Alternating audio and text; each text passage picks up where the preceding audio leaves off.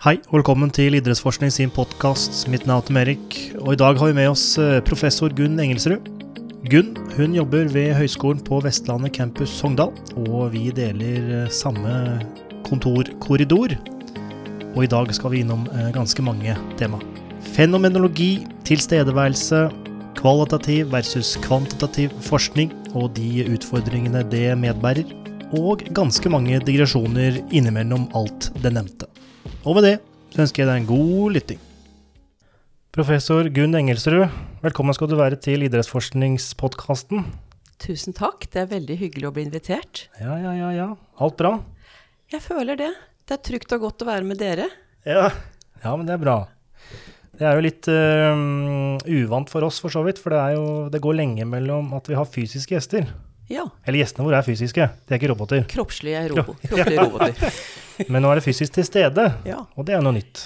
Vi sitter i samme rom og kan uh, ikke bare observere det verbale, men også det nonverbale, mm. som jeg tenker er viktig. Så det er hyggelig. Og vi har også med oss Matthew. Yeah, I'm physical as well. Yeah. I'm not a robot. no. I might sound like one, but I'm not. Yeah, yeah, sometimes. Yeah, that's true. Um, så litt sånn innledningsvis så ønsker vi å bli litt kjent med deg som gjest. Uh, og det håper jeg også lytterne våre ønsker også. Uh, så kan du si litt om deg sjøl i form av uh, utdanning, jobb og forskningsområdet ditt. Ja, jeg er jo utdannet kroppsøvingslærer og fysioterapeut, så jeg har jo to profesjonsutdanninger fra, som man sier, som man har i bånn, da, sier man. Det er jo alltid en fordel når man skal arbeide i høyere utdanning og kjenne litt til disse møtene med mennesker, både som fysioterapeut og lærer, da. Men så har jeg jo gått en akademisk eh, runde med å ta hovedfag, som det het i den ja. tid. Og doktorgradsstudier og videre arbeid på Jeg starta jo på Statens fysioterapiskole, som det het, og Oi. undervise der, før det ble høyere utdanning i ja, høyskolereformen en eller annen gang som jeg ikke akkurat husker. Ah. Men så skulle jo lærere i fysioterapeututdanningen Det var ikke nok å være en vanlig fysioterapeut, du måtte ta hovedfag. Ah. Og da sa Kunnskapsdepartementet at Eller det, kanskje ikke det da, men de må ta utdanning, høyere utdanning. Og da må de binde seg til to år etterpå. Mm. Men da hadde jeg fått smaken på å forske eh, etter hovedfag. Så da ble, søkte jeg en stipendiatstilling på Folkehelseinstituttet i Oslo. Og da slapp jeg de pliktårene jeg betalte tilbake 60 000, og ble doktorgradsstipendiat. Og da undersøkte jeg kommunikasjon mellom fysioterapeuter og barn. Og tok opp videomateriale og analyserte det kroppslige og verbale samspillet. Og skrev en avhandling som hadde denne fantastiske fantastiske tittelen 'Kjærlighet og bevegelse'. Oi. Fragmenter til en forståelse av fysioterapeutisk yrkesutøvelse. Oi, det er, det er en munnfull. Det er en munnfull. ja, og så jobbet jeg noen år på et kompetansesenter for fysioterapeuter, før jeg da ble FoU-leder på daværende Bislett høgskolesenter for lærerutdanning og helsefagutdanning. Mm. Så flytta jeg derfra til medisinsk fakultet som førsteamanuensis. Og jobba med masterutdanning av profesjonspersonell i helsevesenet. Fysioterapeuter, vernepleiere, sykepleiere, ergoterapeuter. Og så så jeg liksom en dag så Ja, så ble jeg professor. Det var jo fantastisk. Professor i helsefagvitenskap, heter det. Så så jeg en dag at jeg gikk jo på Norges idrettshøgskole. Jeg var jo den yngste studenten noensinne der, for jeg er født 30. desember. Og du vet, da blir man alltid ung og lovende, uansett hvor gammel man blir. Så er man liksom alltid yngst i sitt årskull. Ja, ikke sant? Så ville jeg liksom tilbake til røttene, for jeg elsket å gå på Norges idrettshøgskole. Mm. Og da så jeg en lederstilling utlyst der, som jeg søkte. Mm. Og da fikk jeg den. Og da var jeg leder for seksjon for, som het den gang kroppsøving, eller seksjon for nå husker jeg ikke hva den het engang, men jeg tror det var i seksjon for kroppsøving, ja. For nå har den bytta navn osv. Så, videre. så var jeg leder der i åtte år, to perioder. Mm, mm, mm. Og så fikk jeg jo to år forskningsfri, og så rulla det litt på. Så, så tenkte jeg det er det ikke på tide å flytte seg litt? Så så jeg en jobb her i Sogndal. Da hadde jeg vært professor to her i noen år. Men så fikk jeg sånn følelse at ja, men du er ønsket der. Det er på tide å forandre litt. Og jeg elsker jo Sogndal fordi jeg drev med fjellvandring da jeg var ung, og kom inn med, med disse hva heter fjordbåtene? Eller nei, de heter jo ikke fjordbåtene. Hva heter det? Eh, f- Fjordline, eller? Nei. What, from The- like uh, Bergen til Sogndal? båten som går fra Damskiskaia? Ja, Nei. det var liksom de Sognefjordsbåtene som man tok ja. i gamle dager. Å ja. For, for å dra inn til Fjærland, ikke sant, for å komme seg opp på flatbryta, gå Josten på langs og sånn. Sognebåtene, eller, fjo- eller var noe sånn flott okay. navn.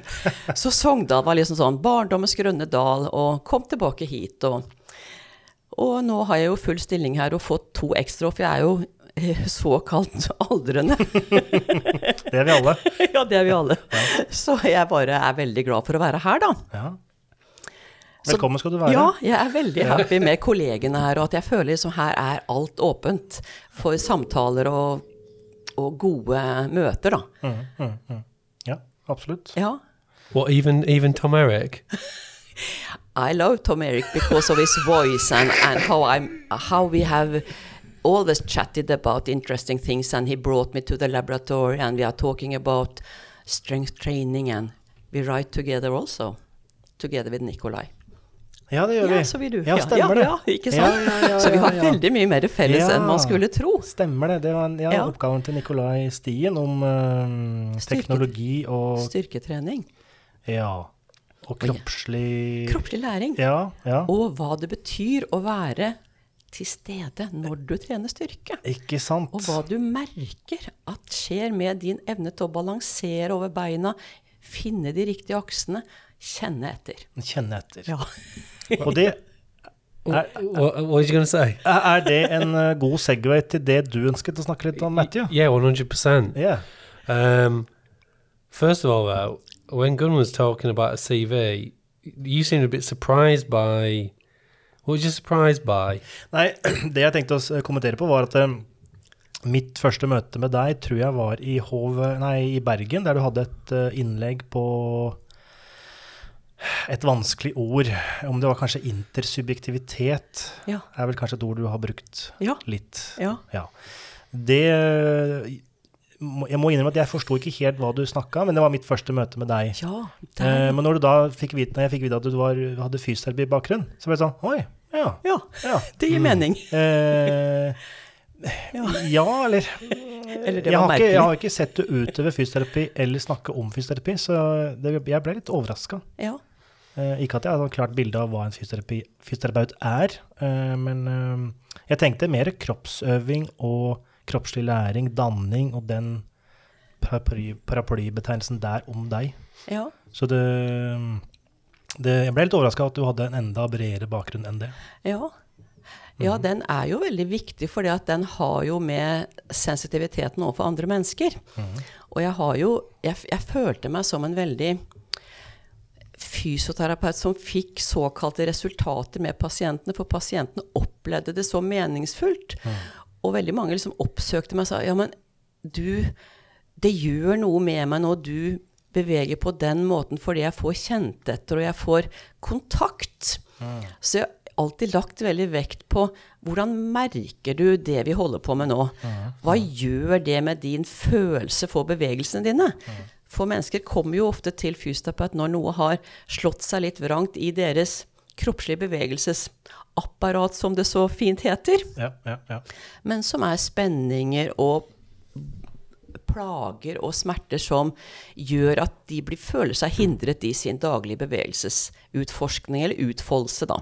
Så det å liksom gå et skritt tilbake og, og hjelpe de til å merke hva de gjør, og hva slags bevegelser som er gode, og hva slags bevegelser som skaper anstrengelse, da. Veldig enkle ting, men veldig sånn effektfullt når man får til det i møte med, med de personene.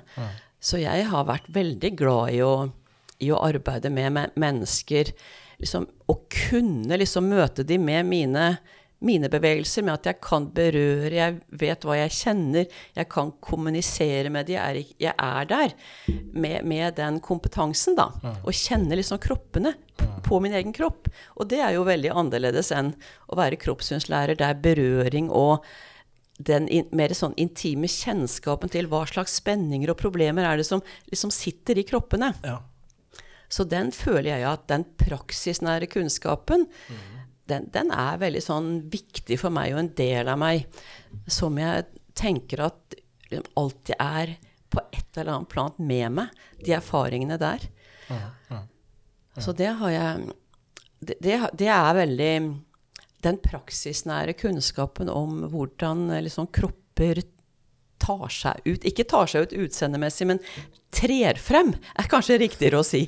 Altså det å få litt sånn hands on med, med andre. Andre kropper. Ja. ja riktig. Riktig. Ja. Ja. Well, that's the reason I asked why he was, because I was surprised as well when I can't remember my first meeting with Gun. I think we was in a group session. and You said something like, when you look at every, if you look at almost anything, even objectivity is subjective or something like that. I thought that's interesting, and I just assumed you was probably a sociologist of some type. And like Tom Eric said, when you said you was a physio, I was like, oh, that's that to me. I'm thinking physiotherapy from a kind of UK context. That was interesting to hear someone have that background, but those research interests. And I think it makes a lot of sense. I think it makes a lot more sense than I realised.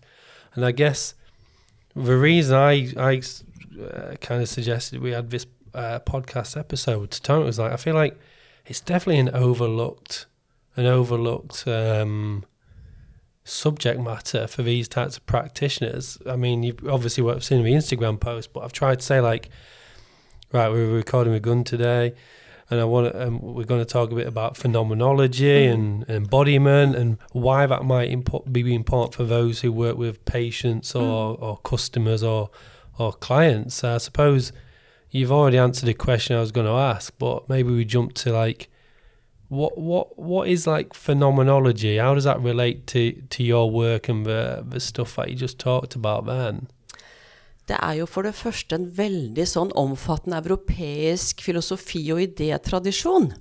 Men det ble jo startet litt, eller i hvert fall sånn jeg tenker om det da. Det er jo mange femologier, og jeg har jo min, eh, min Det har liksom virket i meg på en veldig sånn eh, inspirerende måte til å skape forståelse. For det at det som som Edmund Husserl, da, i hvert fall sånn jeg liker å tenke på det, oppdaget, det var jo at menneskets livsverden, eller den verdenen som vi lever i til i vårt dagligliv, da, den har tendens til å bli sånn kolonialisert eller overstyrt av systemverdenen. Det som du snakket om litt i stad, Tom Erik, at det rasler veldig mye sånn politikk liksom ned i livene våre, men livene våre og erfaringene våre stiger ikke tilsvarende opp til politikken. Nei, nei, nei, det er sant. sant. Og han var veldig opptatt av at der vet vi veldig mye om oss selv. Altså i måten vi lever livene på, så merker vi oss selv. Vi har en veldig grunnleggende kroppslig kunnskap som vi bruker i verden. Som ikke trengs å intellektualiseres eller måles. Altså jeg, den døra der, jeg trenger ikke gå bort til den døra med målebåndet og si 'Å ja, denne døra er to meter lang'. Det, og da må jeg måle meg selv. Ja, jeg er 1,55. To meter minus 1,55, det går. Det da går. kommer jeg gjennom. Men dette, dette vet kroppen. Og til og med om jeg tok på meg en hatt med fjær, så ville jeg med kroppen bøye meg sånn at jeg kom gjennom. Og dette gjør vi automatisk. Vi tar et barn i hånda, leier det, du løfter barnet ditt, du treffer kjæresten din, eller du går i hjemmet ditt rundt på en veldig kjent måte. Så kroppen er kjent med sitt uh, mønster i dagliglivet da. Ja, så det ligger jeg, jeg, jeg, jeg er mest sannsynlig en, øh, en mer øh, naturvitenskapelig hjerne. Så når du sier det, så, ja, så tenker jeg mer på uh, motorisk program. Ja, det kan du nok Uh, Som også ligger latent der. Altså Da snakker vi Ja. ofte om griperefleks og sugerefleks, som babyer har, som ligger latent. Ja. Så jeg spør, er det da, når du bøyer deg ned med denne fjæren under døra, er det til, hadde du gjort det fra starten av, eller er det noe du har erfart at oi, shit, jeg kommer ikke gjennom fordi den fjæra går oppi, eller den detter av fordi Eller Ja, det, Det er litt sånn høna eller egget-spørsmål, tror jeg. Ja, det kan det nok være. Altså, femologisk sett så har en kjent femolog som filosofen Maurice Merleau-Ponty Han er liksom kjent for å ha veldig tillit til kroppen, da. Og veldig mange femologer sier det som kroppen kan, da. Så det at barnet når det blir født, klarer å f.eks. bevege seg opp til brystet fordi det, det, det gjør det fordi mat og kropp er veldig connected. Og det kan godt liksom studeres kanskje som motoriske program, for, men det er et begrep fra en litt annen tradisjon. Ja. Men kanskje om samme fenomen. Ja, for det er det jeg ofte merker, at vi snakker kanskje om samme ting, men bruker ulike begrep. Og så tenker vi kanskje at vi snakker forbi hverandre, men så gjør vi egentlig ikke det. Nei, jeg tenker at vi kunne ha syntetisert eller satt sammen kunnskap på mer kreative måter enn det vi gjør når vi har veldig sånn oppdelte fag, da. Ja, ja.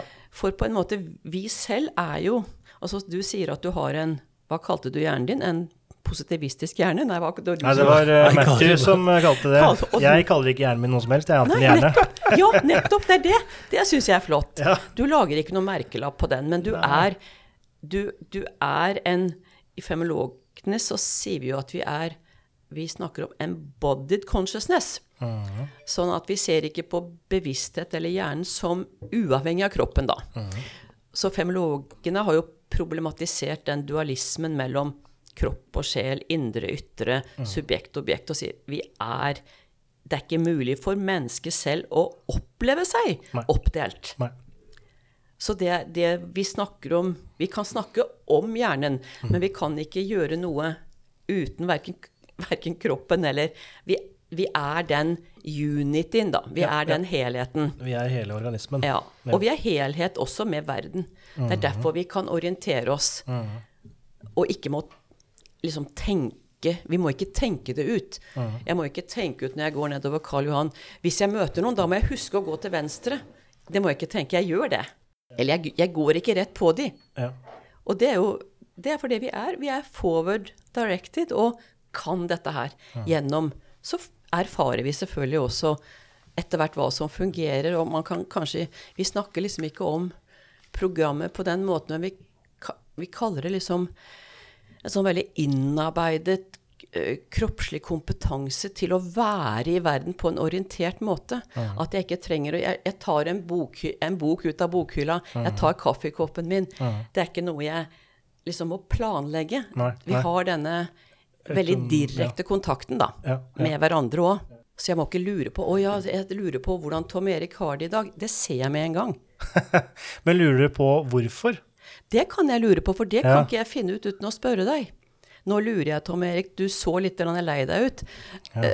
Er det noen grunn til det? Ja. Hvis jeg, men jeg kan, jeg kan ikke tolke det. Men jeg lurer aldri på hvorfor. Ok, jeg kan ta ut en bok her. Jeg trenger ikke å se på boka. Det er noe jeg kan gjøre Ja, automatisk. ja. Og Det da er tenker jeg, innarbeidet. hvordan kan jeg har det Det er jo litt sånn gammel er, altså, Arv versus miljø, da. Ligger det i genene mine fra fødsel, eller er det noe jeg har tillært? Ja, Eller blir det litt vi tenk, vi, vi en annen bare, tankegang enn fenologi? ja, Ja. vi bare tenker sånn er vi. Sånn er det, uten Ja. å stille spørsmål videre. For det blir for meg veldig rart. Ja, det er en ontologi, eh, altså en grunnleggende måte å tenke sånn er vi. Dette kan vi, for det er sånn vi har blitt, i skapt. Ja. Og så må vi jo skape videre med sånn vi er skapt. Men vi, vi, vi er jo ikke gjennomsiktige for oss selv. Vi er liksom subjekter da, som handler i verden, og kan ikke se gjennom oss selv. Så vi kan ikke Våre forklaringer Det er mer grunner. Jeg har min grunn. Men jeg, jeg, jeg har ikke noe Årsaksforklaringer ligger ikke i femologien å svare på. Nei. De ser bare hvordan ting er. Er. Ja. ja. So, is that like some things don't need to be measured? If you see what I mean, like You can't measure anything in Y- femology. yeah, exactly. and I feel like Tom X, like you're kind of a mechanical dude, aren't you? You're into like your gadgets and stuff and how stuff works. Yeah, yeah. So I guess I love that stuff. Yeah. well, you do, and it, it's obviously a very good trait. It's very useful for me when I want to buy a some electrical product. I just say, Tom, mate, what do you think to this? And he's got a pretty good idea. But do you find that frustrating, Ben? This idea that from these perspectives, some things they they exist in the way that they do, people behave the way that they do, or or sometimes move in the way that they do. Do you need like everything needs to be there needs to be a mechanism for that? Nei, men jeg stiller meg ofte spørsmålet hvorfor er det slik? Fordi Ja. jeg, jeg, jeg lurer på både øhm, Hvorfor er denne mikrofonen jeg har foran meg, bedre enn en annen mikrofon?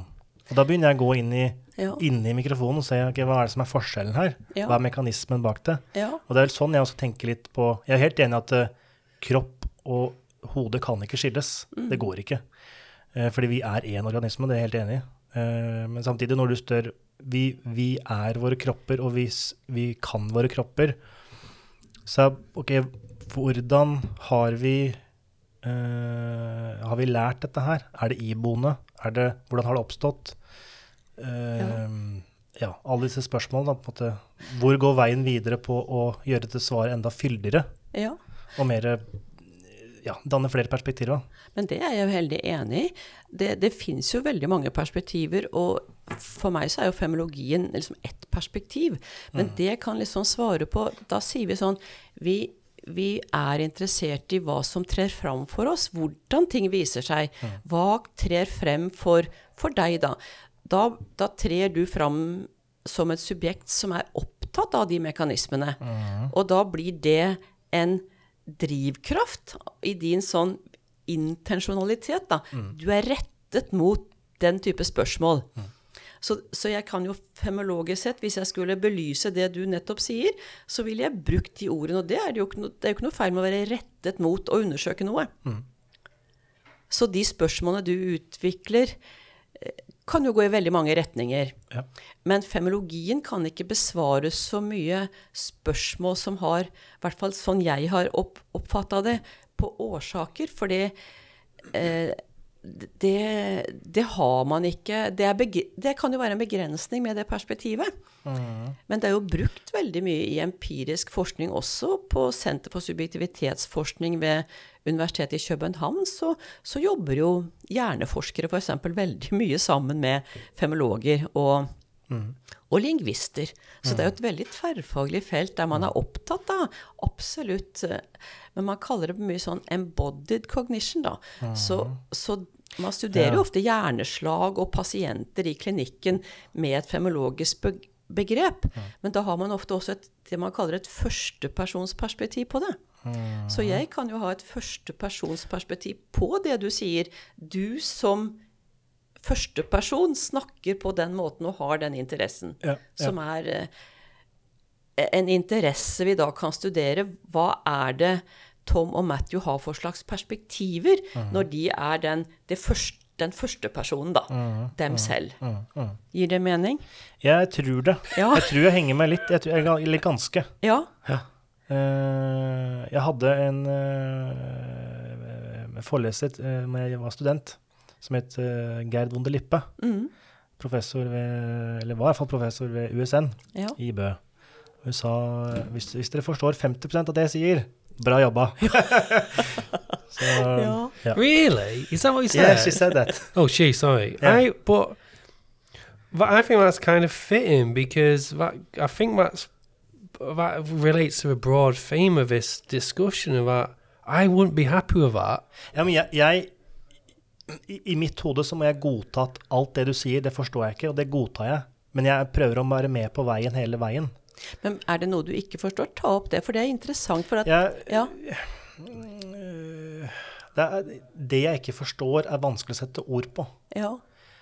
Så, så øh, det er vanskelig å ta det fra mitt tank, tanke, Ja. tankevirksomhet det, og ut og formulere det på en måte, og gi ord på okay, ok, hva er det jeg ikke forstår her. ja. Det er bare noe som ikke Det faller ikke på plass, og så veit jeg ikke helt hvorfor jeg skal Eller hva jeg skal spørre om etter det. Nei, for, men alle tradisjoner har jo sine begreper, og det er jo litt sånn innelukkende også, så jeg skjønner det du sier. At eh, disse begrepene er jo også For, for- dypest sett i femologi så er interessen å ikke ta noe for gitt. Mm. Verken vitenskapelige forklaringer eller hverdagslige erfaringer, men å være undersøkende. Så det er en slags innstilling til kunnskap om å være undersøkende og stille spørsmål. Ja. Og det er jo, og det er jo kanskje det jeg måtte stusse litt på med fenologi, at det, det virker som om eh, man undersøker et felt, man finner ut at sånn er det, og så stopper nysgjerrigheten. Er det Men så tenker jeg, forskning er jo nysgjerrighet. Er det ikke det? Absolutt. Jo, jeg er helt enig. Det kan godt hende at det noen ganger stopper hvis teoriene får lov til å legge seg på det empiriske. Men man vil jo gjerne utvikle kunnskap hvis jeg skulle da intervjue deg og gå mer inn på din forståelse av forskning og de begrepene du bruker, og prøve å gjøre et intervju der jeg utfordrer deg på å problematisere ditt eget utgangspunkt, f.eks så ville jo ikke mine Så kanskje jeg måtte finne opp noen nye begreper for å forstå det du prøver å si. Så vi tenker jo ikke at begreper skal være ferdiglagd for å legge seg på et empirisk felt. Men vi må også fungere undersøkende og prøve å dvele ved fenomenene, da. Mm, Ja, absolutt. Det er jeg helt enig i. Ja.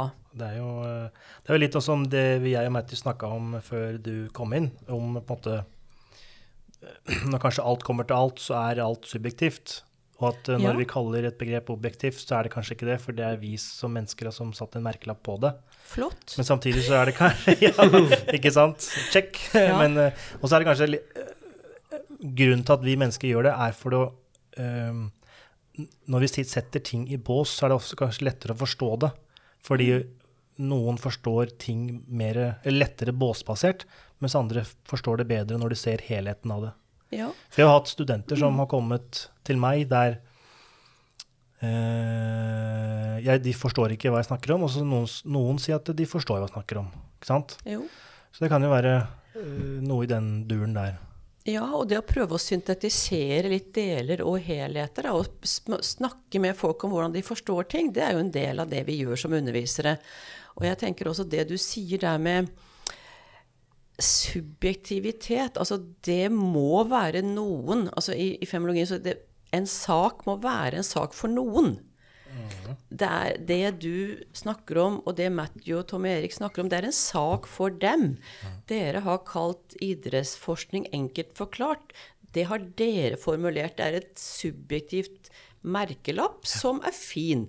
Og, og så må jo mennesker ha noe, noen kategorier for å skille ting fra hverandre. Ja.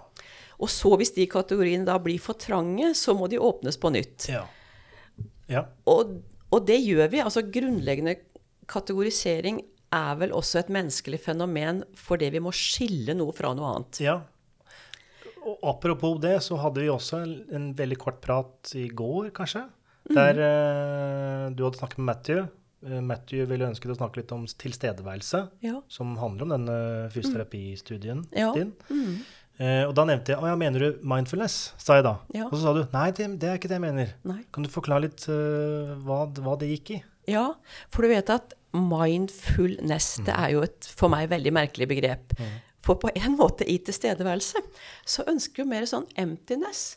Vi ønsker å være fullstendig litt, litt Altså ikke tomme på den måten at vi ikke har følelser og tanker og sensasjoner, men vi ønsker liksom ikke å Altså det med mindfulness er et veldig sånn abstraherende ord for meg. Da skal du liksom sitte og være sånn mindful oh. Men det å være til stede, det er egentlig en veldig alminnelig ting, for det, vi er det veldig mye. Men vi verdsetter kanskje ikke det som en tilstand som får mye oppmerksomhet. For det ofte skal fylle det med et eller annet vi skal gjøre, da. Mens når du er med barnet ditt, eller du er hjemme, eller du skriver, altså da er vi, da er vi til stede.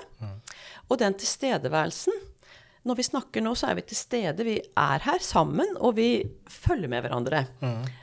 Eh, og det er liksom mindfulness, som en av mine kolleger hadde på døra si. Mindf nei, mindfulness er en abstrahert måte å snakke om å gå i vedskauen. I ve- vedskogen. Ja, ja, ja, Altså, å ja, hugge ved. ja, Vedskauen kjenner jeg godt. Det, hvis du snakker, det snakker sånn på, Ja. der jeg kom fra. Ja.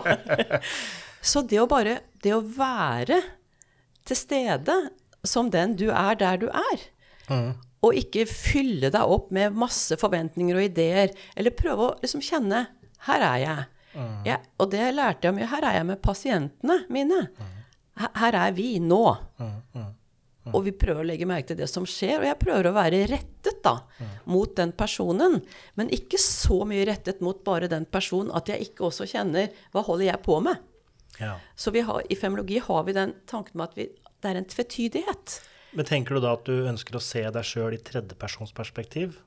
For å se din egen fysiske form, hvordan det interagerer med Altså eh, litt sånn tredjeperson, litt sånn refleksivt, da. Kanskje ikke tredjeperson, men litt sånn refleksivt. Hva Du må jo tenke etter er jeg til stede? Ja, så hvis du begynner å tenke etter det, så har du kanskje mista Da har du ikke til stede, nei. For det er det med mindfulness. ikke sant? Er jeg mindful nå? Er jeg mindful nå? Du Er begynner å lage ja, sånne og se, Er jeg til stede nå? Og dette var jo veldig sånn interessant, for det jeg skriver om en podkast med hun Hanne Haugland. Jeg vet ikke om dere husker henne?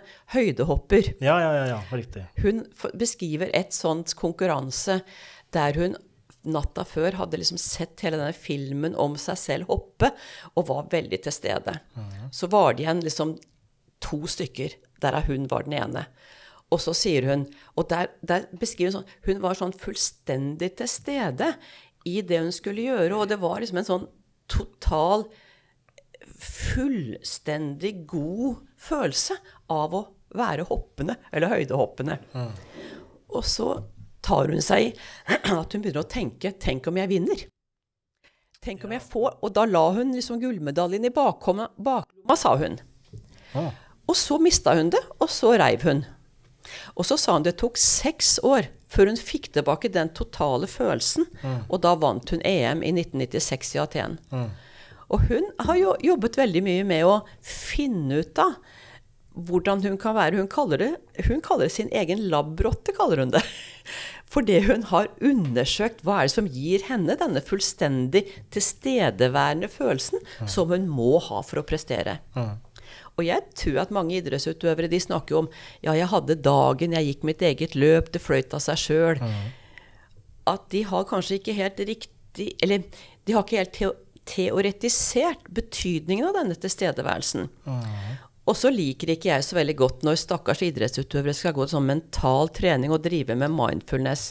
For jeg tror at de liksom ødelegger den Eller dette veit jeg jo ikke, men jeg, jeg har sett liksom coacher som Vel, de er opptatt av tankemåter og, og, og sånn hos utøverne, men de de er mer sånn alminnelig i den kontakten med de. De, de sånn som hun Britt Tayet Foyet, Foyet Taxel, eller Tayet, Tayet Foxell, som er, har vært Olympiatoppens hemmelige våpen. Hun har jo vært coach for Marit Bjørgen, f.eks. Og, og jeg så et TV-intervju og jeg er så glad i Marit, jeg. Og når Marit har det bra, og når Marit, da har jeg, har jeg det bra. Og når hun ikke gjør det, da har ikke jeg det bra heller. Jeg tør ikke se løpene, men i dag så jeg løpet. Og jeg fikk hjertebank, sier hun. Hun er veldig god coach. Men hun er da en person som er veldig hjertelig. Og i veldig mye sånn coachinglitteratur så hvordan skal vi coache? Hva er det som fungerer? Det er ikke noe svar på det.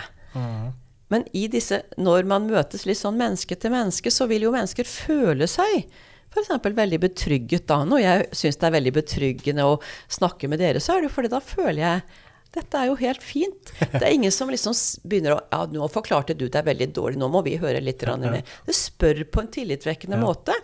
Så det finnes en riktig måte, da. Ish. Eller retningslinjer, da. Gjør det ikke det? Det de sier på Olympiatoppen, er at vi kan ikke forske på Brits metode, for det er for personlig. What from like a ethics like it's unethical or Det er vanskelig å skjønne hva hun gjør, for det er så personlig, sier de. Men utøverne sier 'jeg hadde ikke klart meg uten henne', 'hun har redda livet mitt'. Eh, Marit Bjørgen gir henne halve gullmedaljene sine. Og dette er litt sånn interessant, for hun Hanne Haugland sier også at hun har møtt mange coacher som villeder henne. Og hun lurer på da De har ikke helt sånn interesse for henne. Og når hun nå er coach på Olympiatoppen, så sier hun det at hun, hun er veldig opptatt av at de skal være med og finne sin egen vei. Ja. Sånn at det der å finne sin vei Og det er jo i bunn og grunn en veldig subjektiv vei. Mm. ja. Og jeg har også tenkt på det at noen ganger så tror man liksom ikke på at det er mulig. Kan jeg finne min vei? Jeg liksom, hva skal jeg gjøre? Må Ja. ikke jeg gå den og den og den veien? Ja, ja, det er jeg enig i. Det merker jeg også litt hos studentene. Ja. Og det har vel også Matthew også sagt en del ganger, at eh, når du hvis du, Jeg husker ikke hva slags eksempel du bruker, jeg får sikkert sagt det etterpå, men når du spør studenten ja, hva vil dere gjøre, så får studentene sjokk og bare Hæ? Ja. Skal jeg bestemme hva vi skal gjøre? ja. Haven't you said that, Matthew? Yeah, In some yeah. context. I, uh, I try to do it in coaching all the time since I've started here. The practical sessions, I just say, "It's your time. Mm. Do what you want." Mm. Uh, What do you mean? I said, "Well, two hours practical. T- mm. if you want to do something, just all you all you need me for is to sort of equipment, and then do what you want." And it just very rarely works because it's just like hmm. well, I did, I did, I just didn't know where to start. I had no No. idea where to start. No. I said, "Well, you know the Emna's coaching. You hmm. know, I've told you it's your time to practice teaching and hmm. coaching. Do what you want." And I don't know if it's a case of they've got too many options, so they just don't know where to start, or I think it's just, wow, I'm, I I don't understand what this this freedom is. And one other thing I do Nei. um, in that same Emna for the exam, I said, I want you to think when you're doing this exam, tell me something I don't know.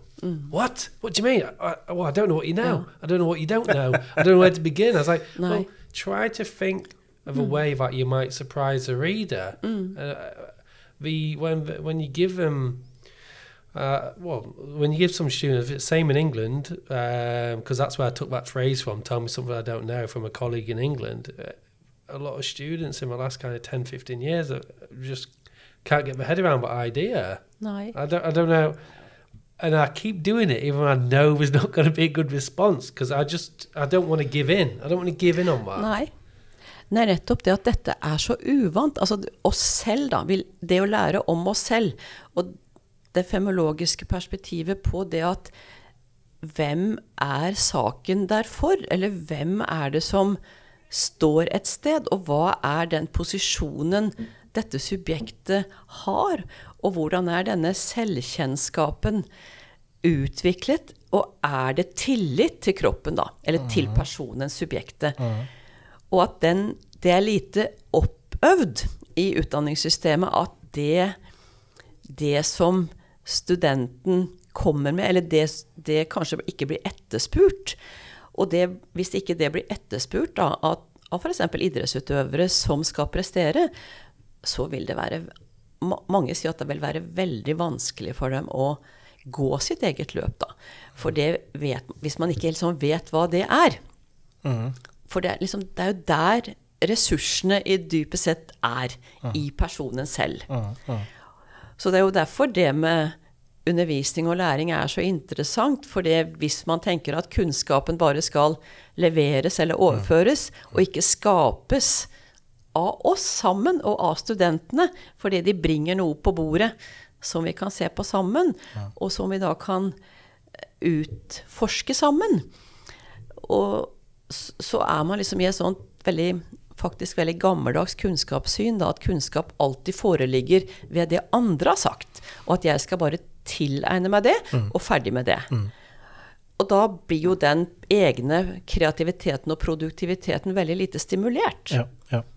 ja, det er jo hele Jeg tror nok alle, alle forelesningssaler, klasserom, sånne ting er jo en slags eh, Det er jo oppstilt sånn at eh, det du sier, går til en forsamling fremfor deg. Ja. Det er en slags sånn veldig konkret bilde på her, det, eller her ønsker vi at det skal skje en kunnskapsoverføring. Eh, What, what I did want to say though, uh, thinking back though, is when I do give them options, and when students do do something, or they come up with a suggestion, I go, "Yeah, it's a really good idea. I like it." And you see them kind of like, "All right, cool." Like when I bring something, they definitely feel more ownership. There's definitely a change in the relationship. Like, oh, this t- teacher trusts me ja. And they then they go and do it. So when they embrace it, and most of the time they ask me, "Can I do something?" I go, "Yeah," but I think that sounds really exciting and interesting. Whether it's praxis where we want to go, or they want to do something practical. And when you tell them that's a really interesting, unusual thing, and I like it, they're like, "Oh right, oh maybe." You can see them looking at it and say, "Maybe I should do it more often. Maybe I should be like independent more often. Mm. Og så En annen observasjon basert på det, som egentlig går i motsatt retning, er jo at eh, jeg hadde, hadde PT, eh, årsstudium, Mm. eh, i, skulle ha det i vektløfting. Altså jeg lagt opp til mer sånn postbasert. Mm. At du skulle prøve å utøve en bevegelse, og så skulle du bli analysert av en medstudent. Og så se ok, dette, dette er du god på, dette er du mindre god på. Og så det du er mindre god på, så var det sånn ok, hvis du er mindre god på det, så går du på post 1. Og så øver du på den tingen, så kommer du kanskje tilbake. Litt sånn hel, hel, hel. Og da får de velge selv hvor de går hen. Mm. De får velge selv hva de ønsker å øve på. Så det er en slags fokus på autonomi, da. Mm. Ehm, men aktiviteten der droppa jo veldig Bare stupte ned. Ja. Fordi den egendriven til å lære noe selv og utforske selv var jo nesten ikke til stede. Så når jeg da fikk tilbakemeldinger og gjorde det mer eh, deduktivt neste gang Jeg styrte showet hele veien. Da var det veldig bra, sa de. Nettopp. det syns jeg er litt trist. Ja, ikke sant? For det vi Jeg tenker sånn det, du, eller det dere sier, at vi ikke kollektivt har en sånn innstilling til studentene at her er vi for å arbeide sammen. Og at de oppgavene vi gir, vi ønsker at dere går løs på dem med, med glede og, og lyst og bidrar. At dere oppdager deres eget kunnskapspotensial. Ja. Og at det tror jeg de er veldig lite trent i. Sånn at det er lettere for dem når du lager det. Og jeg er enig i at det er litt trist, og jeg tror det har med Tradisjoner, tror jeg. Ja, ja. ja. Jeg tror det, det er bare innebygd fra starten av at læreren skal fortelle meg hva jeg skal kunne. Mm. Og det, som du sier, det er jo ikke sånn læring skapes. For det må skapes. Det må skapes. Og da er det en interaksjon mellom flere. Og da er det intersubjektivt. Altså mellom, det, er, Ja. det er en subjektivitet mellom oss. Vi er hver og en vi er subjekter i en intersubjektiv sammenheng der vi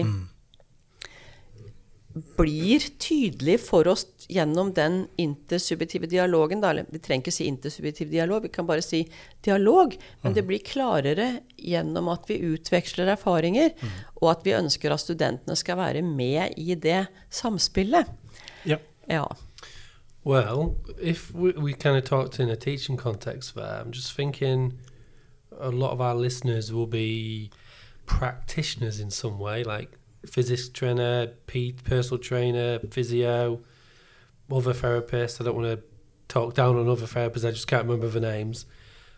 What we just talked about there, how is is that relevant to those kinds of individuals as well? It's like samabide and it sounds like basically as soon as you're working with people you need to be conscious and appreciative of of the fact that it's a, a real person hmm. opposite you. And i don't know in the research that you, you've done and you've supervised is is that happening in these areas for example in physiotherapy? I think in physiotherapy, what I have been doing in physiotherapy is to give courses for my colleagues in movement exploration and to be very concerned about being aware, being uh, conscious about how you see the other person and give a lot of space for those persons uh, to create trust in their own movements. And I think to be a pedagogue, that's that's very important, not to lose sight of the other as a human being, and have a sort of human consciousness on that person as a whole person with her or his own values and meanings. So you include that in how you teach them. Så, så det, jeg det jeg mener å si, er at det å liksom, det, Hvem er den andre i ditt blikk på den andre? Er det et menneske på linje med deg som du tenker at har noe å bidra med, selv om du er underviseren? At du ikke blir en sånn instruktør, da, som bruker en sånn instruktiv væremåte og kommer inn i rommet og har alt ferdiglagd som du skal gjøre. Men at det er noe der som treffer deg fra de andre. Og at det får lov å prege undervisningen, det har jeg vært veldig opptatt av med de fysioterapeutene. For det fysioterapi også er et fagfelt som i forskning har vært veldig metodeorientert. Virker denne metoden? Og det er da jeg som femologisk inspirert forsker har sagt Virker denne metoden i deg? Altså det må være noen som det virker for. For en metode kan ikke virke, den gjøres ikke alene. Jeg utøver metode sammen med deg, og du må fortelle meg hvordan dette virket i deg. Ikke bare på deg, men for deg i deg. Så da har jeg liksom vært veldig opptatt av at metoder ikke gjør noe alene. Det er fysioterapeuten som gjør metoden relevant for Ja. pasienten. Ja. Og det har jo vært veldig mye sånn metodeforskning. Virker ultralyd bedre enn tverrfriksjoner? To grupper å sammenligne. Og det er jo Jeg har ikke noe problemer med det, men det har vært veldig lite det, det er vanskelig å ta inn over seg. Det er jeg som fysioterapeut som gjør denne metoden virksom. Uten at den, den gjør seg ikke En metode er ikke Og når man skal liksom De verste eksemplene er jo sånne blinde forsøk der verken fysioterapeuten eller pasienten skal vite hva som skjer, og så skal du ha en effekt. For der, altså alle mine hvert fall, erfaringer med å være fysioterapeut er jo at det jeg liksom forstår og kan arbeide sammen med den andre om, det er jo det som er den effekten. Altså den opplevde effekten, da. Og da er det litt interessant det du sa, Tom Erik, med målbar effekt. Det kan være den ene delen. Og så er det meningsfull effekt. Og jeg mener at jeg hadde veldig lyst noen ganger da jeg jobbet på Norges idrettshøgskole, til å få disse idrettsmedisinerne med på å gjøre prosjekter. Måling og mening. ja. For hvis mening blander seg med måling, så blir veldig mange sånn Ja, men det er jo tross alt målingen, da, som teller. Men kunne man liksom få litt sånne synteser, og komme litt grann lenger i sin forståelse av hva vi kan si og bidra med? Men det, det, det snakka vi om på seminaret i dag òg. Vi, kan- vi, vi, vi gjør kanskje ikke nok for å binde sammen disse kunnskapsområdene. Vi møtes ikke nok på halvveien. ja, enig. Og det, det kunne vi gjort, og det har vi jo mulighet til her. Men Ja. gjør vi det? Nei. Nei. Jo, vi gjør det nå. yeah. I, I just wonder why we don't because I feel like me and Tomeric are both interested in Yeah. various different topics, right? And Mm. we try to encourage students, the bachelor students, when we come to the office, to do unusual stuff. I've talked about that content analysis with the mm. Instagram stuff. That was mm. both new to both of us. Mm. Um, you know, we're going to support a, a more qualitative hmm. design with a master's student, so we're hmm. pretty open to it. But I think we both feel like, yeah, loads of like, especially like loads of sports science stuff needs to be far more mixed methods than it is. Yep. Like, hmm. I, I don't, I don't get why people are only interested in numbers. I guess it's because it's just easier to manage. I don't know. I, but I've completely changed. When I was a student, I hated sports psychology. I actively avoided mm. qualitative research methods as an undergrad. Didn't go. Didn't go to the sessions. Mm. Didn't like the psychology stuff when we saw about grounded theory and, and other aspects. So I used to skip those sessions. But now it's like, oh God, I wish I'd paid more attention. That's so much more interesting. Understanding of what people feel and think about stuff is far more interesting to me than how active a muscle is. Uh, it's not to be disrespectful to that discipline of like anatomy and physiology. I just, I just don't understand how that on its own can be interesting anymore. That's just my personal Men, opinion. men eh, har mening en betydning alltid? F.eks. i muskelaktivering. well, I just Trenger vi ikke å vite meningen til personen som blir testa?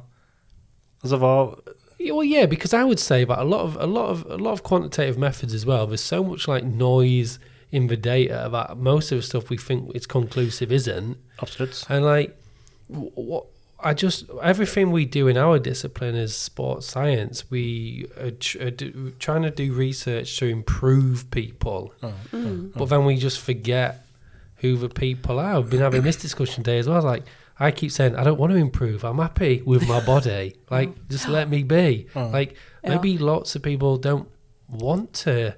Like, it's all right saying, "Oh, I developed this new method of fat loss." Blah blah blah. Maybe Yeah. some people are like, yeah, it's not for me. Yeah, but it's it's so effective. You can reduce like your BMI by five points or whatever, or your blood pressure. Yeah, but I don't want to. Mm, mm, So, mm. so therefore, what's the point? I know it's a, a, an oversimplistic view of looking at it, but like, I do think there needs to be far more meetings in the middle. To give you an example, uh, just through some of the reading I've been doing for one of the master's students who's done a mixed methods approach, I was reading a paper looking at a physical activity intervention with, I think, Lati- Southern American women or Latino communities. And um, normal kind of physical activity intervention, do some baseline testing, do like 12 weeks of exercise, and some post testing like BMI, body composition, resting heart blah, blah. But they did interviews as well.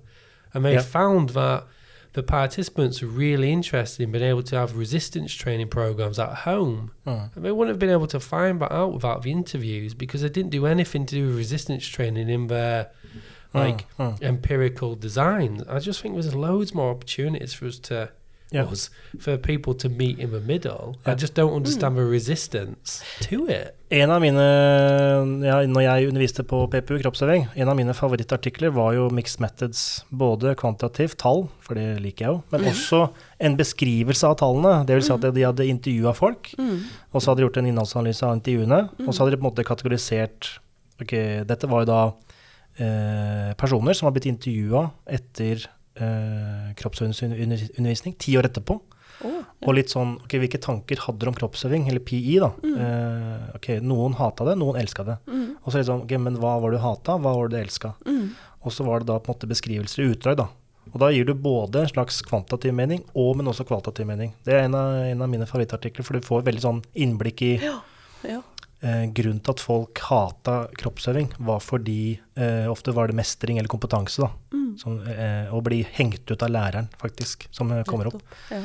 Og det får du ikke bare ved å se på et tall, og, og så får du en kategori som heter eh, misnøye. Ja, men misnøye med hva? Nettopp. I just, I was just gonna. Something just popped in my head, and I realised we're not letting our guests speak.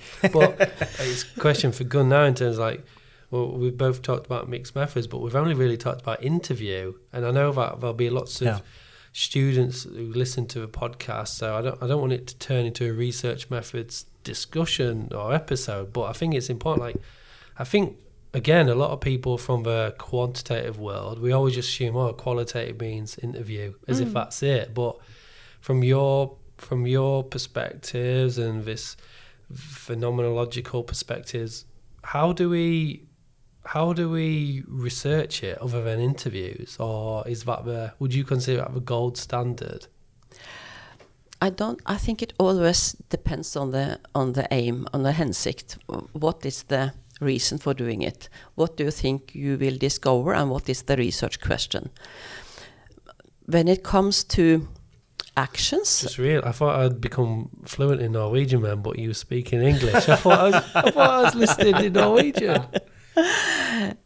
Ja, altså Jeg kan jo snakke på norsk òg, fordi det å f.eks. gjøre små feltarbeid, bruke observasjon, altså deltakende observasjon, prøve å forstå mer av sosial samhandling. Hva slags type undervisning foregår? Hva slags reaksjoner kan du se hos studentene? Hva, hva, hvordan er hele opplegget organisert? Hvem deltar, hvem melder seg ut? Hva er interaksjonene? Altså observasjonsundersøkelser. Vi prøver å lære studentene litt om observasjon. Og også dokumentanalyser, altså hva slags språk og ytringer fins i disse f.eks. helsedokumentene, da. Er det liksom et budskap der om at hvis du gjør sånn, så oppnår du det? Lite problematisering. Og så autoetnografisk analyse. Nå hadde jeg akkurat en kjempeflink masterstudent som har skrevet en autoetnografisk studie av klatring, eller det å klatre. Altså undersøkt sine egne dagbøker og narrativer, og utviklet en teori om det å være i møte med klatreveggen. Og det er virkelig veldig sånn interessant, fordi begge deler blir veldig dynamisk. Og der har man jo liksom gradering av ruta. Ruta står fast, og så skal klatrerne liksom bare De har jo et språk for å huke hit og dit og flytt, flytt og greier. Men det er veldig lite om den, det klatrende vesenets erfaring. Så hun har utvikla det som det klatrende vesenets erfaringer av å være i møte med veggen. Supergod oppgave. Ja, riktig. Ja. Karakteren er gitt, håper jeg. Karakteren ble Ellers så kan A. hun bruke dette som et argument for å få Hun fikk A. Og jeg, ja, tårene bare spratt, for jeg syntes det var en vakker oppgave. Oi. Og, og sensorene var veldig sånn nøytrale, jeg ante ikke hvordan dette skulle gå. Og så kjørte de henne veldig sånn hardt. Ingrid Rui heter hun, det kan jeg si, for hun er jo klatrer. Klatrende. Ja. Hun er en, et klatrende vesen Ja. i sin forståelse av det å klatre.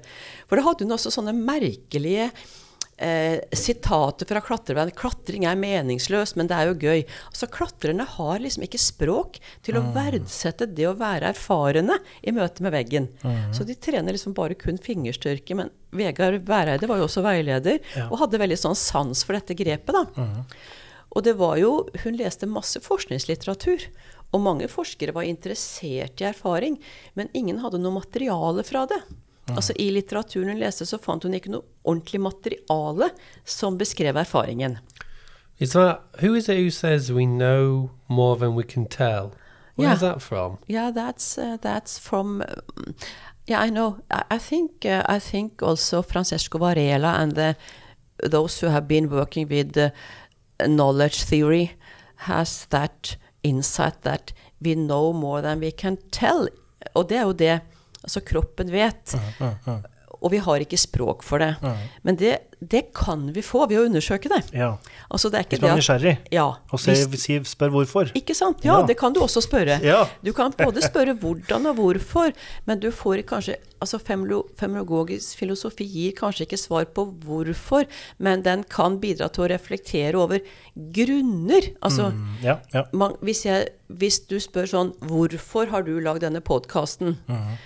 Men så kan jeg spørre deg hva er grunnen til at du har gjort det? Hvilke begrunnelser har du? Det er mer kvalitativt femologisk. For man ville kanskje ikke spørre om årsaken når man snakker om mennesker, men årsaken til at krittet faller på gulvet, er tyngdekraften.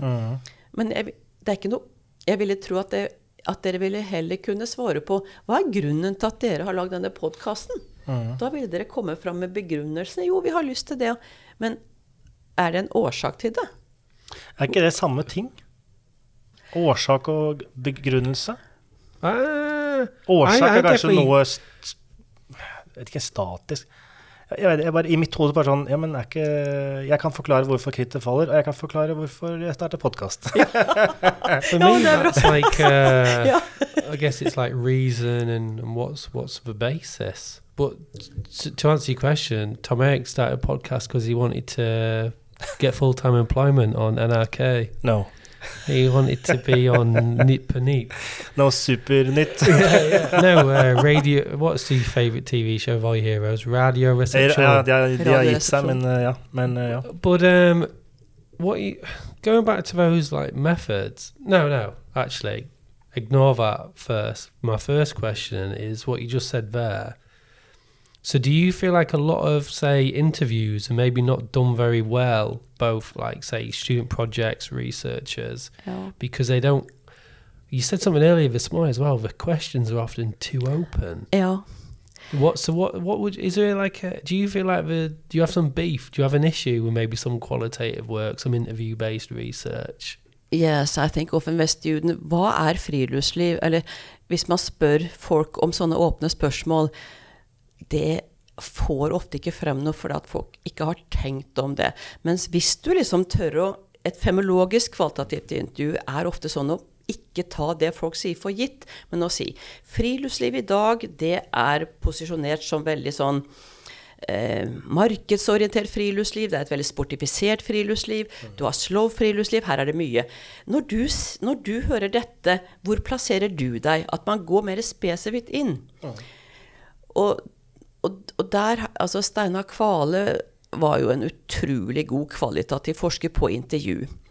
Altså, jeg går tilbake til, til intervjumetodikken hos Steinar Kvale når jeg underviser studentene nå. For mange av disse moderne bøkene så skriver forskere om alle metoder. Og ingen kan alle metoder. Så hvis du skal lære noe om intervju, les Kvale, sier jeg. Hvis du skal ikke les liksom, Ikke tro på at noen forskere liksom kan snakke om alle mulige metoder. For, man, for det, det, det, det, tjener ikke studentene. For de prøver å Jeg pleier liksom å være veldig utvelgende når jeg tar opp metoder med studentene. Og så prøver vi å øve på intervju, vi prøver å øve på observasjon. Det er det jeg har gjort til nå. Ja. Og da leser de Katrine Fangen, som har skrevet en bok om deltakende observasjon. De le leser masse metodebøkene, og så prøver vi å få fram det helt fundamentale med kvalitativ forskning, sånn jeg ser det da. Du er i den sosiale verdenen med andre. Mm. Og de andre menneskene eller tingene eller verdenene du undersøker, der har folk sine perspektiv, sine opplevelser, sine meninger, mm. sine grunner, mm. sine um, måter å forstå på. Og hvis du har problemstillinger som gjør at du er interessert i akkurat det, ja. da velger du kvalitative intervjuer, f.eks. Hvis du ikke er så opptatt av det, men vet hva du vil spørre om, så lager du et spørreskjema. Ja. Du er ikke opptatt av at de skal fortelle eller utdype. Nei. Og det som ofte er vanskelig for studentene, det er jo å tenke at få folk til å fortelle noe til deg vil de fortelle deg noe? Ja, Hva må ja, ja. du gjøre for å få noen til å si noe akkurat til deg? Ja, for det er ganske uh, demanding uh, metode. Fordi du Et intervju krever jo ganske mye i relasjonsmessige. Altså hvis vi skal snakke om uh, dype ting, da, eller personlige ting, så stiller du ganske høye krav. Ja, du må, fall, du må, få folk til å snakke til deg. Ja. Altså du, hvis, du, hvis, de bare sier 'nei, jeg vet ikke helt', jeg, 'nei, friluftsliv er viktig', det og 'ja, jeg trener jo for å beholde helsa'. Altså Hvis de sier sånne ting, ja. f.eks. da, som er veldig lett hvis du er usikker, så bare 'jeg vil høre hvorfor trener du'? Mm. Så sier du kanskje 'nei, det er for å holde meg i form'. 'Ja vel, så det er viktig for deg'. Ja, så sier du ja. Og så, så, så hører man ikke etter, og så tør man ikke. Men du, er det ikke sånn at folk blir veldig overtrent i dag, eller at de er veldig sånn mm. altfor opptatt av det, eller at du må liksom tørre å Men du, da, fortell, lag en, fortell meg noe. Mm, mm, mm. Og så Nei, jeg vet ikke om jeg har noe mer å si, jeg. eller altså, hvis du ikke er forberedt på Men dette må jo studenter øve seg på, det må vi alle. Ja. Og jeg pleier å si til studenten det er ikke noe ideelt intervju. Ingen intervjuer liksom blir perfekte. Men det viktigste, og jeg lærer studentene, du må lytte. Ja også være interessert i den andre. Ja. Og mm. den andre må tørre å fortelle deg noe. Ja. Og du må liksom høre etter. Og du må rett og slett være veldig glad for at noen vil fortelle deg noe. Ja. For de kan plutselig få sånn følelse av Nei, den personen vil jeg ikke åpne meg for. Dette er et revolverintervju som ikke passer meg. Så og denne, dette er jo denne femologiske sensitiviteten som er så, så uh, utvikla innenfor femologisk tenkning om det kroppslige, mm. at vi er veldig, veldig sensitive mm. overfor hverandre. Mm. Så jeg har et sånt veldig godt eksempel som jeg bruker med studentene. at En som heter Thomas Fuchs, som er en veldig sånn anerkjent femolog og psykiater, han har skrevet en artikkel, og der sier han sånn Apropos det å ha sånne kroppslige man vet, fra, med i kroppen, så sier han at et dyr spør liksom Is this water drinkable? Is this tree climbable? Altså det spør dyret om i kroppen. Og sånn tenker jeg at vi mennesker òg gjør. Er dette mennesket tilsnakkende? Mm. Er dette et menneske jeg kan være her med? Mm, mm, Tåler jeg det kroppslig? For vi har de måtene vi kan trekke oss vekk. Vi kan gå mot noen, vekk fra noen kutte ut og være stille. Og så disse grunnleggende måtene som kroppene gjør ja. når de retter seg mot noen mm. eller trekker seg vekk. Mm. Det skjer umiddelbart, mener han f.eks. Ja. ja. Så disse måtene trer inn på et veldig det man kaller da et veldig sånn passivt syntetiserende nivå. Altså denne mottakeligheten. At vi kroppene våre ikke bare er aktivt handlende, men vi er reseptive. Mm. Så den mottageligheten som vi Det vi tar inn, da, mm. det blir veldig grunnleggende for hva vi handler ut.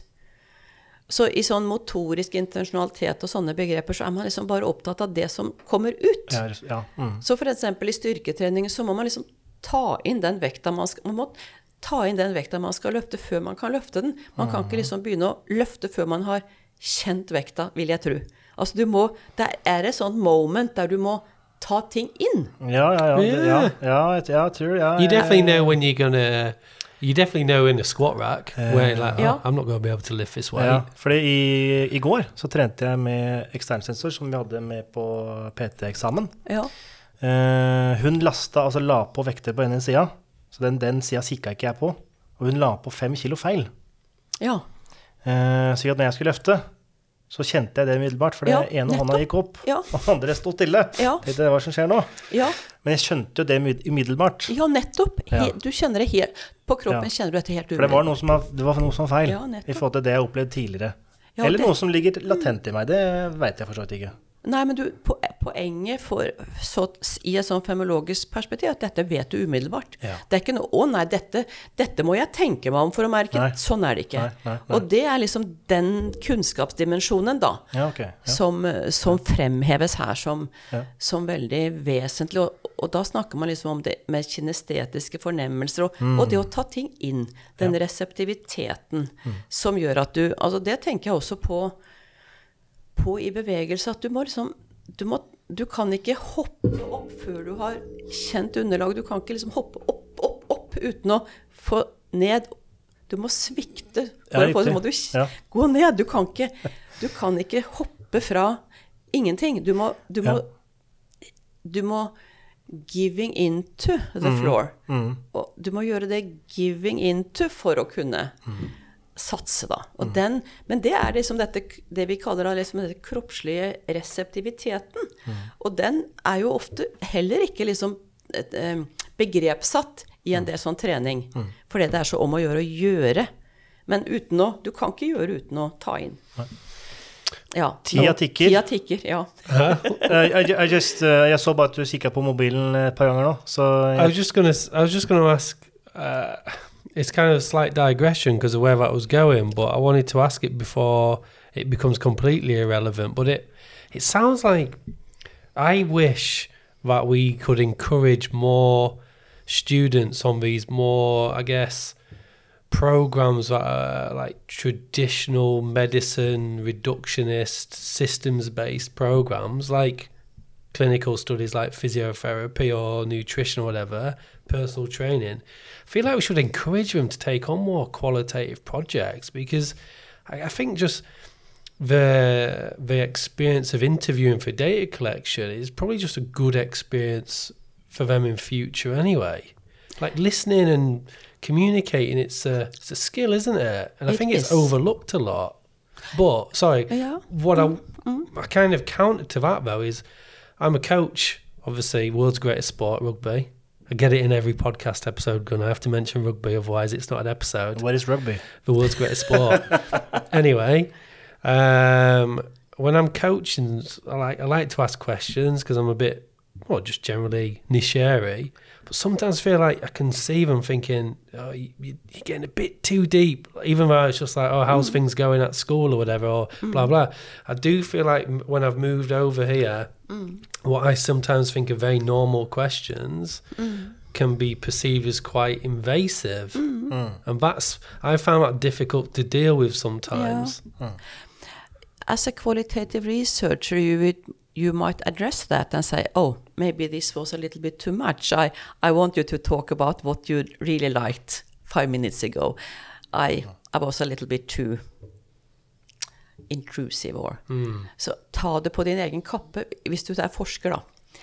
Og gjør alltid det som pedagog òg. Altså, det, det er i hvert fall Ja, her så, altså det å liksom være den som kan ta litt det ansvaret og få ting videre, det vil gi folk veldig tillit. At det er ikke noe, Du kommer ikke med noe ferdiglagd som du skal trøkke på andre, men de har frihet da til å Og hvis du gjør noe som har virket litt invasivt eller for tett, så sier du det. Det skjønner jeg. Det, vi går tilbake til der vi var i stad, og så går man liksom litt videre i denne dynamikken, da. Ja. ja. Så for studentene så tror jeg det er veldig viktig at de ikke er redde for å interessere seg for andre. ja. Og at de ikke er redde for å ikke stille gode nok spørsmål, eller at de, ikke, at de er for redde for stillhet, f.eks. Mm. Men dette må man jo øve seg på. Ja. Det er liksom mitt poeng, for noen sier nå skal jeg begynne med kvalitative intervjuer, og da, da sier men øv deg først. ja. prøv. Intervju hverandre. Jobb litt med det. Ja, absolutt. Det gjelder jo Det gjelder jo alle metoder. Alt, det, alt vi gjør, nærmest. ja. thought that was fascinating what you just said there. I love it. I'm going to start using it all the time. Don't be scared to be interested in other people. Ja. That sounds so like straightforward, ja. but I just realized how I think that'd be really useful for a lot of people to hear that. Yeah. And I think people are scared of being interested in, in other people. Ja, det er noe der som kanskje er veldig lite utfordret, da. I, I dette kunnskapssamfunnet, at du skal liksom komme med noe, og det skal fungere, og at da blir den dynamikken i dialogen, eller sånn. At, du, at det er jo Folk har jo alltid veldig interessante ting å komme med, hvis man åpner for det. Ja. Yeah. Ja, er helt Og at eh, det liksom er kanskje underkommunisert, hvor alle har kunnskap, alle har, alle har et hverdagsliv, alle har noe å si. Og der ligger det veldig mye innsikt om det å leve, og om det å oppleve. Ja, og du finner mye, mye forklaring Det når du også blir kjent med mennesker. Nettopp. Så der kan jo din forklaringstrang få sin gode plass. Ikke sant? Ja. Ja. Eh, det vi eh, pleier å avslutte litt med, eh, Ja. tida tikker jo. ja. Eh, føler du at du har fått sagt det du skulle si i dag? Eller forventet å si? Ja, nå var jeg jo så glad for å bli invitert, og så når jeg så den annonsen som de kollegaene viste meg, så tenkte jeg ja, nei, vi må jo bare se, og at noe av det som jeg har blitt invitert for, og som dere da har lagt merke til, det har vi jo kunnet utdype sammen. Så jeg, jeg stolte veldig på den dialogen, da. Ja. Fordi jeg tenker at da får vi de spørsmålene som gjør at vi får en dialog om ting som vi på en måte alle er opptatt av, men har litt forskjellig kompetanse til å adressere. Ja, ja. absolutt. Og jeg eh, Det er alltid Jeg, jeg satt og tenkte litt på det nå, at eh, når jeg muligens ikke forstår ting, og ting, så er det sånn eh, Jeg har for kort tid til å tenke på det du sier her og nå, fordi jeg skal ha oversikt over hva du fortsetter å si, og Ja. jeg skal planlegge et spørsmål. Ja, Og jeg skal eventuelt høre involvere Matthew. Som Ja. gjør at det, det du har sagt, kommer jeg til å tenke på i morgen og overmorgen og sånne ting, og så kanskje jeg forstår det, eller ikke forstår det. Det blir liksom som Ja. filosofi. Det er ikke noe du kan bare ta der og da. Nei, for du vet at det å ikke det du sier å ikke forstå, er jo også å forstå. Altså, for er Ja, ja, for du har jo anerkjent din Ja. egen uh, Ja, din egen kompetanse eller begrensning, ja. eller jeg kaller det hva du vil. Ja. Så det er alltid For sånn er vi jo. Altså at vi forstår og ikke forstår. At det er en sånn dynamikk, og at de grensene forandrer seg. Og det er jo morsomt. Det er jo Ja. det som er morsomt med dialog. Ja, og så er det alltid fint å ha, uh, få inn et annet perspektiv. Mm. For det vil jeg påstå du gir oss, uh, hvis man skal sammenligne deg med de andre gjestene som vi har hatt. Ja. Uh, uh, nærmeste vi har, nå husker jeg ikke alle gjestene, men du bruker nok et annet språk Ja. enn de andre. ja, det Selv gjør jeg jo. Selv om de fleste snakker norsk. Ja. ja, det er disse begrepene, da. Og jeg er jo veldig opptatt av at begreper trenger vi for å kunne si noe om det vi er opptatt av. Og hvis ikke de begrepene gir mening til det fenomenet vi prøver å forstå, Mm.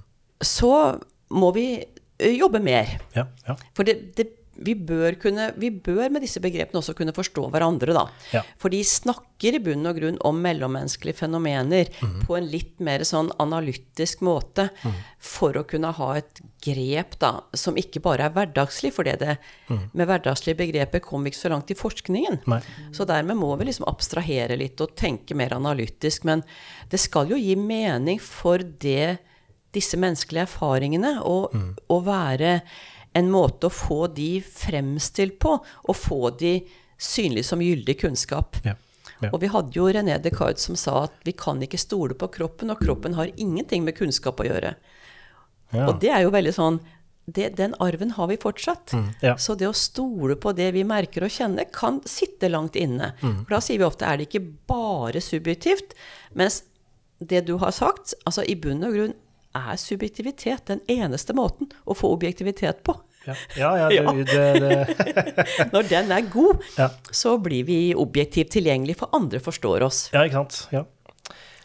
Fint. Ja, Uh, helt til slutt så pleier vi å spørre hvor, uh, hvor er det man finner deg på den digitale sfæren? Og da Yes. snakker vi ofte om sosiale medier. Er du Ja. der? Jeg er jo, altså Facebook har jeg skjønt at det er veldig gammeldags, men der er jeg. Og Instagram, men det er også det. Og så prøvde jeg meg på Twitter, men der Jeg fant liksom aldri ut av hva skal jeg poste der. Så jeg Ja. er jo, og så er jeg på ResearchGate og, Ja. og, og Kristin og Ja. eh, Det er per perfekt, det. er det det? Ja, så bra. perfekt, bra. Ja. Ja, du er på Twitter eller ikke Twitter? Ikke Twitter. Ikke, twi ikke Twitter. Nei. Jeg var det, men så meldte jeg meg av. Ja, riktig. Riktig. Nei, men eh, det er fint. da. Vi eh, legger, til, legger til litt lenker under episoden, så folk kan i hvert fall sjekke deg på ResearchGate. Ja. For jeg antar at både Facebooken din og Instagrammen din er mer personlig innhold, og ikke så mye jobb- og forskningsinnhold. Nei, og det er jo altså De publikasjonene som Matthew hadde lest, er jo en som heter sånn 'Theorizing Bodily Dialogues', og som er utvikling av kunnskap i dialogen med, mellom fysioterapeuter og pasienter. Og den andre han hadde lest, er noe sånn 'Being Present with a Child', som også er en fysioterapeutisk artikkel om betydningen av presence i møte med barn i barnefysioterapi. Og så er det også en artikkel som handler om 'Taking time for new ideas', som er publisert nylig, som også handler om det å undervise kvalitativ forskning for studenter. Og Ja. gi det de tar opp, tid. Ja, sånn, ja. Ikke trykke sine egne agendaer til på Ja, det, det er jeg veldig enig i. For da lærte jeg veldig mye om Ja. at jeg må gi det mer tid, og at Ja. det studentene bringer fram, speiler litt også mine forforståelser, at undervisningen ikke er så bra. Ja. Så da har jeg lært mye om det. Det er helt supert. Så vi legger selvfølgelig lenke til eh, Eller referansene til eh, de, i hvert fall de tre du nevnte Det kan du nå. gjøre. Mm. Og så kommer jeg helt sikkert til å spørre litt om andre referanser, om de navnene du har nevnt. Ja, det kan kan du også gjøre. Ja. For det har vært et par navn eh, ja. du har nevnt. Ja. Men fint. Da vil jeg takke for praten, Gunn. Tusen takk, Tom Erik. Dette var veldig gøy for meg.